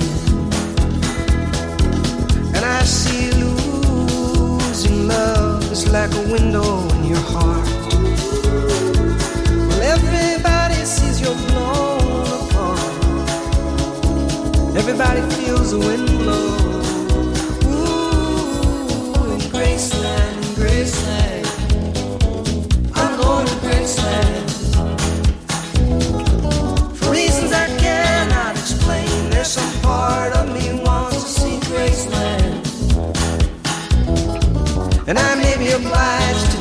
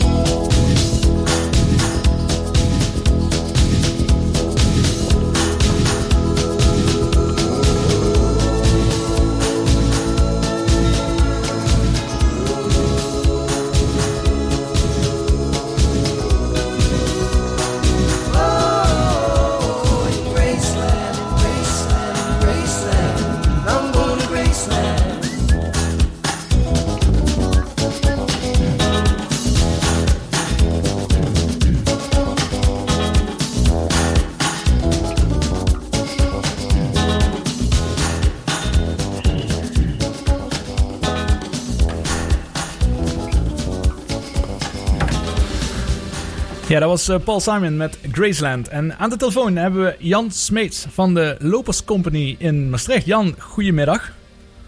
Goedemiddag, Jos. Hi, goedemiddag. Tommy. Goedemiddag, Jan. Ja, dat is een, mooi, dat is een mooie combinatie natuurlijk. Dat ik en Jan en Tom eh, hier in de uitzending heb. Omdat eh, jullie natuurlijk allebei helemaal gek zijn van eh, de loopsport. Ehm, zoals Ja, bij, bij jou. andere, ja. Ja, en sport in het algemeen waarschijnlijk. Maar Jan, waar ik echt even oprecht benieuwd naar ben. er zijn een aantal sporten die doen het goed tijdens een eh, coronaperiode. Nou, zelf in de golfwereld en de tenniswereld, eh, die gaan hartstikke goed op dit moment. Ik kan me voorstellen dat dat in de- bij eh, het lopen in het algemeen, dat dat ook een piek beleeft. Is dat ook zo? Ja, ja, ja, ja dat klopt. Er, zijn eh, eh, door Europa zijn er onderzoeken, onderzoeken geweest dat eh, eh, ehm, met name de maanden juni en juli zijn heel veel mensen gaan hardlopen. Dus begin, begin, mensen die nog nooit hebben ge- gelopen of eh, opnieuw begonnen met hardlopen. Waarvan ongeveer een 85% heeft aangegeven om te blijven hardlopen. Dat is eigenlijk eh, hetgene ja, wat ik dan eh, te weten heb gekregen van een bekend groot merk. Die hebben een onderzoek gedaan in combinatie met een, met een onderzoeksbureau. En blijkt dus toch dat inderdaad heel veel mensen naar buiten zijn gegaan. En uiteraard is dat goed, denk ik. Hè? Bewegen is gezond. En zeker in deze periode om, om naar buiten te gaan is zeker niet verkeerd. Nee, absoluut. En, maar merk je dat mensen soms dan ook iets te enthousiast beginnen? Ja, kijk, dat is natuurlijk altijd. Hè? Wanneer mensen eh, nog nooit hebben gehardlopen en ze gaan daarmee beginnen, dan moet je natuurlijk wel rustig opbouwen. Want de blessure is ja, zo, ja, heeft zo plaatsgevonden uiteraard. Ah. Ja, dat is waar. En daarnaast eh, zijn wel veel evenementen. Die zijn bijvoorbeeld wel ju- juist eh, afgelast. Hè? Er zijn toch, als ik het zo zie, veel runs hier in de omgeving. Die gaan dan niet door. Heeft dat nog, merk je daar veel van? Ja, ja natuurlijk. eh, eh, wat je merkt is met name dat, dat, dat heel veel mensen trainen. Hè. Pak Tommy bijvoorbeeld. Tommy traint voor Marathon de Sabelen. Gaat twee keer niet door. Dat is natuurlijk heel vervelend, want die traint wel naar een piekmoment toe. Eh, en, en zo heb je naast eh, Tommy heb je natuurlijk nog, nog, nog, nog honderdduizenden andere mensen die, die ook naar een bepaald piekmoment toewerken. En dat is nu niet. Ja, en ik kan me voorstellen dat dat niet makkelijk is. Ja. Hè, om ook wel die motivatie dan te kunnen vinden. Hè. Mhm. Maar merk jij trouwens dat de meeste mensen gaan die echt puur op eigen kracht eh, of op eigen houtje rennen? Of zijn er binnen Maastricht wel veel initiatieven eh, waar mensen zich bij kunnen aansluiten en dat je ook meer eh, gericht kunt gaan trainen? Ja, er zijn in Maastricht zijn natuurlijk heel veel eh, hardloopverenigingen. Hè, maar daarnaast ook triathlonverenigingen waar ook hardloop eh, eh, eh, trainingen worden gegeven. Dus er, er zijn zat mogelijkheden voor beginnende hardlopers om zich aan te sluiten bij een vereniging. Eh, een tweetal grote verenigingen zijn eh Atletiek Maastricht en eh Just Go. Ja, en daarnaast er zijn zoveel loopgroepen ontstaan, ook tijdens deze COVID-periode. En ja, goed, ik, ik, ik kan eigenlijk iedere groep alleen maar een warm hart toedragen. Ja, dat snap ik. Nogmaals, bewegen is, ja, maar het is gewoon heel belangrijk om te bewegen. Hè, En hardlopen en wandelen, en wandelen is ook een, een, belangrijke tak van sport. Ja, je ziet toch dat, dat, dat er heel, ja, steeds meer mensen naar buiten gaan. Ja, want hoe lang geleden ben jij begonnen met de Loperscompagnie in Maastricht? Ehm, dat is, eh, volgende, week is het, volgende week is het precies acht jaar. Oh, acht jaar is dat. En, en in die acht jaar, maar even los van de coronaperiode, daarvoor werd lopen op zich ook al eh, een steeds grotere sport. Hè? Tenminste, als ik zo om me heen kijk, als ik 's ochtends naar het werk rijd, dan zie ik steeds meer mensen die, eh, die rennen. En dat is al Ja. een, een trend wat al langer zichtbaar is. Ja. ja, en je ziet natuurlijk ook dat, dat, dat, dat, vanuit andere verenigingen, hè, bijvoorbeeld bij- eh, binnen tennis, binnen tennis zie je ook dat, dat, dat, dat, dat een hardlooptraining ook wordt meegenomen. Hè. Je ziet dat, dat, dat hardlopen ehm, een gigantische stijging heeft meegemaakt ja, de afgelopen tien jaar. En het is makkelijk, hè. je kunt het doen wanneer je wil. Je bent niet gebonden aan tijden. Ja. Stel, je loopt een half uurtje, je gaat iedere dag of om de dag een half uurtje lopen. Dat is eigenlijk al ruim voldoende. Ja, zeker. Dat, eh, dat klopt absoluut.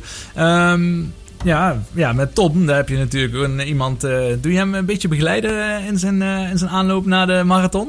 We hebben het er net uitgebreid Nou, over gehad, natuurlijk. nou, we, we- we- ik, ken Tom ja ook al een aantal jaren. En in de beginperiode heb ik, heb ik ook een stukje Tom begeleid, ja, klopt. Ja, leuk. Ja, Tom. eh, Ja, dat klopt ook naar richting de Ironman heeft Jan eh, Ja. met goede adviezen, hè, vooral met, eh, qua lopen. eh, eh, hè, de, de, de spullen die Jan verkoopt, eh, eh, de schoenen, die zijn gewoon heel erg belangrijk. Dus eh, ja, ik, ik kom graag bij, eh, bij Jan. eh. En het is ook leuk, George, Jan is ook een hele goede fietser. Dus eh, ik denk zelfs dat Jan beter kan fietsen als lopen. Klopt dat, Jan? ja, dat zeggen, we velen, ja. ja dat, dat, dat, dat zit er waarschijnlijk wel in, ja. Goed. Ja, mooi. Maar pas dat jullie niet een eigen box moeten gaan gooien hier, voordat jullie eh, met elkaar die discussies hier gaan, eh, gaan uitvoeren. Maar als, als jullie dan samen, want eh, ik weet dat je ook doet analyse hè, van hoe mensen, hoe mensen hun voeten afwikkelen en dergelijke. Zouden jullie, even als, als met z'n tweeën, welke tips zijn echt het belangrijkste voor de mensen die zeg maar zelf aan het hardlopen zijn of die willen gaan hardlopen? Eh, ehm, ja, het belangrijkste is natuurlijk, eh, ja, je moet het leuk houden. Hè? Dat is het allerbelangrijkste. Hè? Ehm, ik denk dat eh, ehm, een afwisselend programma heel belangrijk is. Bouw niet te snel op. Dat, dat, dat, je kunt op internet kun je googlen eh start run programma. Nou, dan kun je een schemaatje downloaden. Je kunt ook overigens op onze website kijken. Want het is heel belangrijk om gewoon rustig op te bouwen. En met name blijven luisteren naar je lichaam.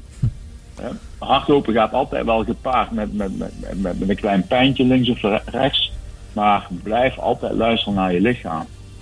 Eh, en ja, stel ook bepaalde doelen. En, en, en, en wanneer je een doel eh, eh, hebt gehaald, ja, vier dan die, die, die overwinning. Want dat is ook belangrijk. Hè? Zorg steeds om, om, om, om, om ja, gemotiveerd te blijven.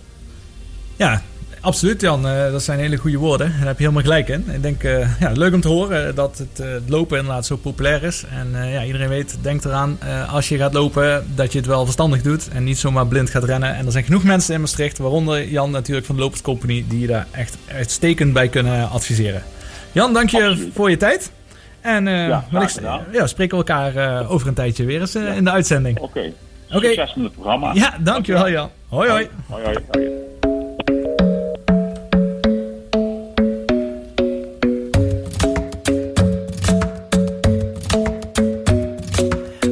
Club isn't the best place to find a lover, so the bar is where I go. Mm. Me and my friends sat at the table doing shots, tripping fast, and then we talk slow. Mm. Come over and start up a conversation with just me, and trust me, I'll give it a chance. Now take my hand, stop it, and the man on the jukebox, and then we start to dance. And now I'm singing like, girl, you know I want your love. Your love was handmade for somebody like me. Come on now, follow my lead. I may be crazy, let's not talk too much. Grab on my waist and put that body on me. Come on now, follow my lead. Come, on now, follow my lead. hmm I'm in love with the shape of you. We push and pull like a magnet do. Although my heart is falling too. I'm in love with your body. And last night you were in my room. And now my bed sheets smell like you. Every day discovering something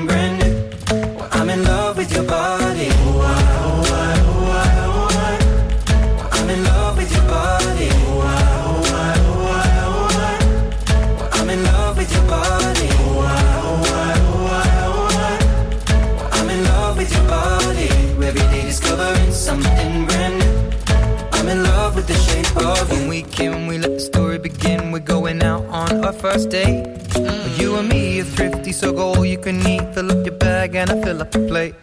We talk for hours and hours about the sweet and the sour and how your family's doing okay. And leaving, getting a taxi, kissing the backseat, tell the driver make the radio play. And I'm singing like, girl, you know I want your love. Your love was handmade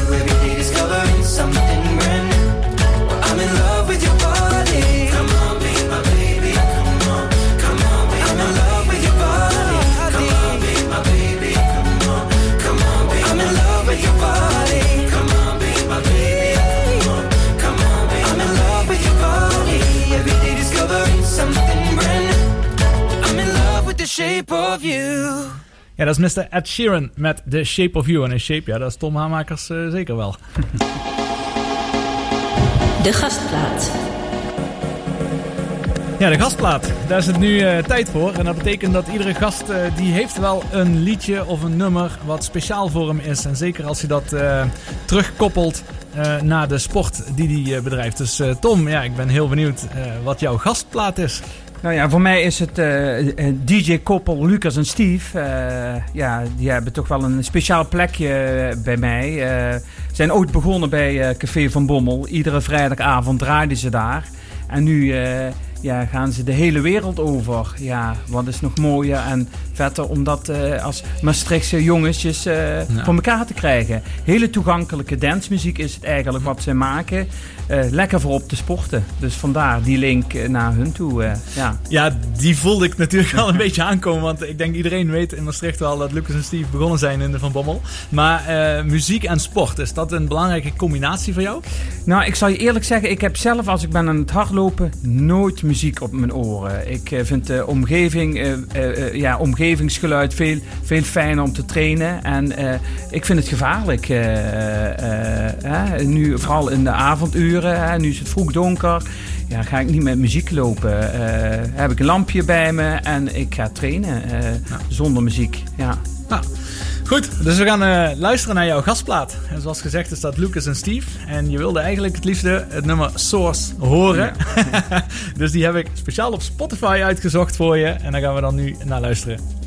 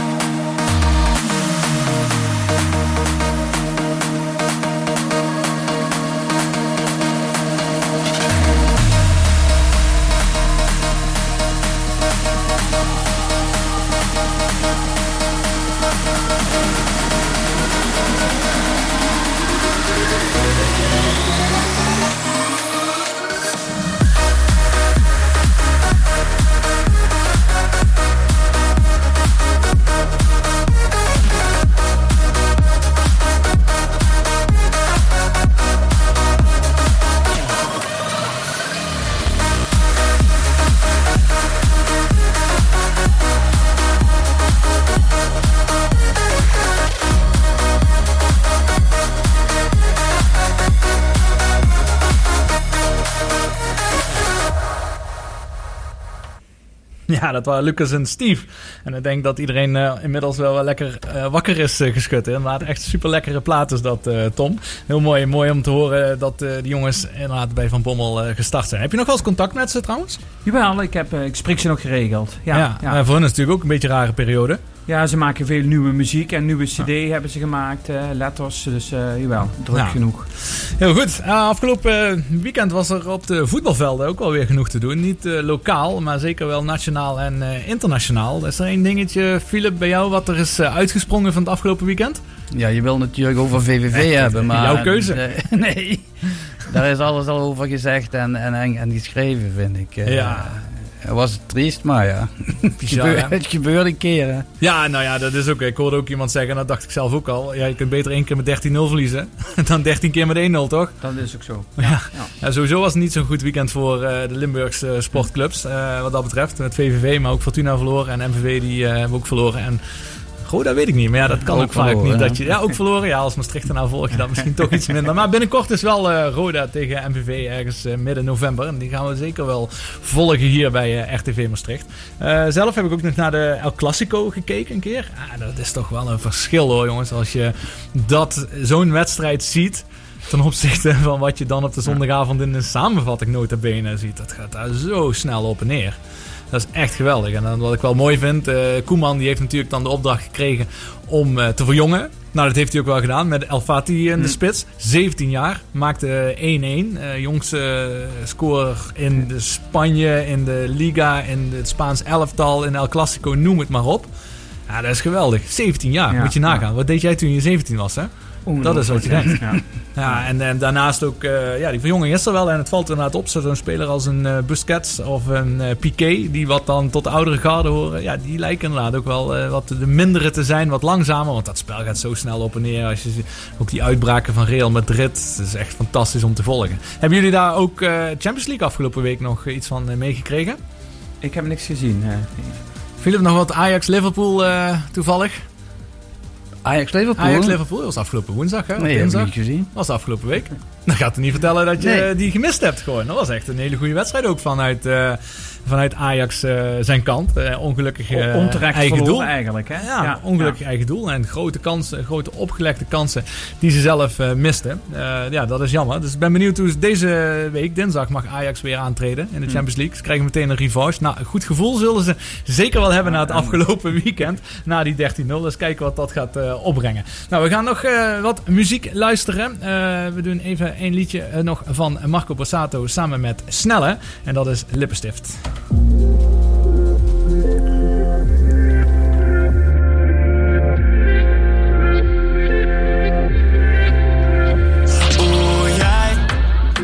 Ik dacht dat jij beter wist. Ik dacht dat jij beter was dan dat. Oeh, jij. Bent zo naïef en zo verloren. Zo verliefd over je oren. Nee, schat, hij meent het niet met je en hij is het niet waard. Wat hij tegen jou zegt, zegt hij thuis tegen haar. Maar jou gaat hij nooit kussen in het openbaar. Dus je moet het zelf weten, lieve schat. Maar wat wil je zijn?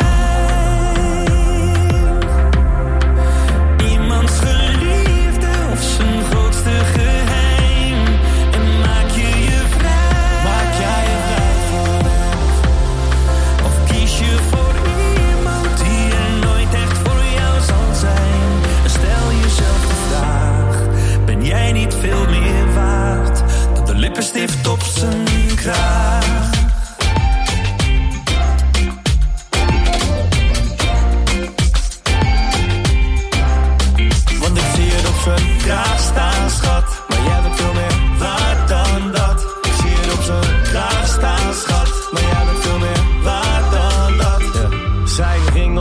Naast je bed. Terwijl hij al je geur was van zijn lijf. En je weet ook dat die ring weer om zijn vinger gaat. En dat hij dan weer uit je leven verdwijnt.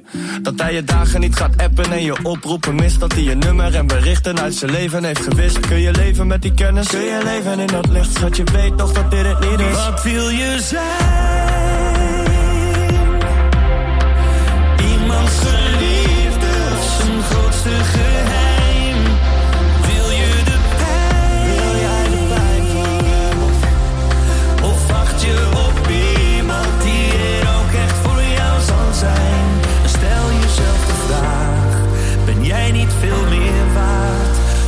στίφτο ψωμί.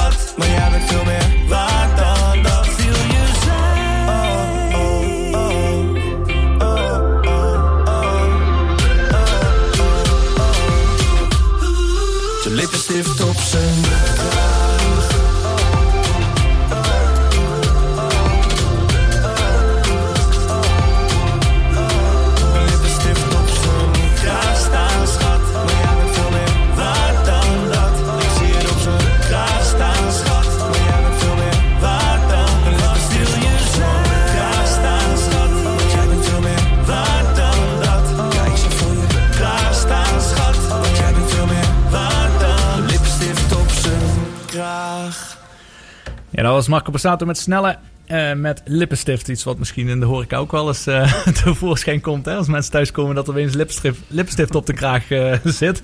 Die daar eigenlijk niet hoort te zitten. Daar ging dat liedje over.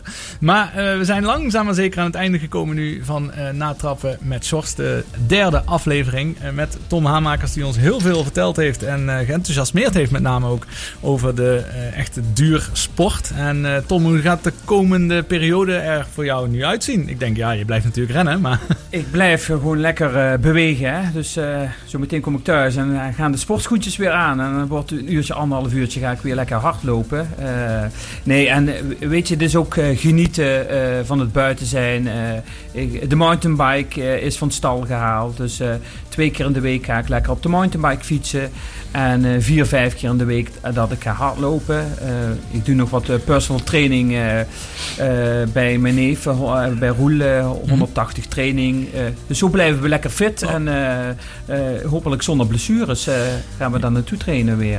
eh. Ja, de, twee vragen eigenlijk daarover. Eerst eh, dat trainingsschema. Heb jij het iedere keer echt gewoon klaar liggen van je weet, vandaag ga ik zoveel kilometer lopen, morgen doe ik dit, morgen doe ik Ja, dat. ja, ja, is niet ja. dat jij zegt ik doe mijn schoenen aan, ik zie daar wel hoe het Nee, nee, nee. Dat is wel Ik- belangrijk hè? Ja, ja, dat is heel belangrijk. Eh, ook met de belasting hè, van je lichaam, ook eh, voldoende rust, hè, wa- wat ook enorm belangrijk is.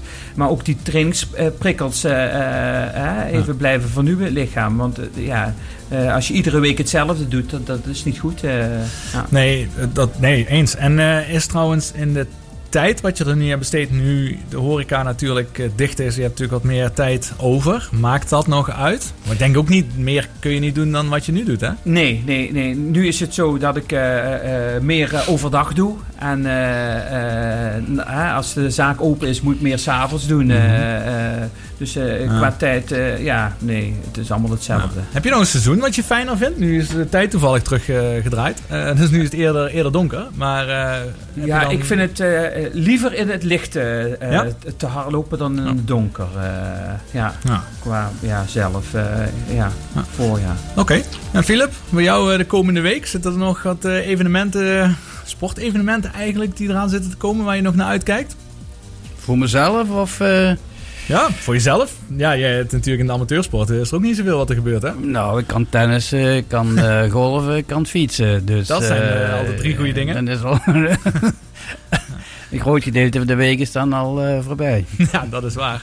Ja, we zullen eh, weer met veel interesse deze week de sport in de gaten gaan houden. Ik weet even uit mijn hoofd dat er natuurlijk eh, Champions League weer aan zit te komen de komende week. En de Vuelta gaat de tweede week in. En die is gisteren ook aardig opgeschud door een, eh een Roglic wat zijn jasje niet aangetrokken kreeg. En van daaruit ging het mis en is hij zijn rode trui kwijt. Nou, zo dadelijk de jubilarissen. Aflevering 500 van de mannen van eh, Café Ussenerstreek. Zo dadelijk na de reclame en het nieuws. En Tom, dankjewel dat je hier was. Heel leuk, ja.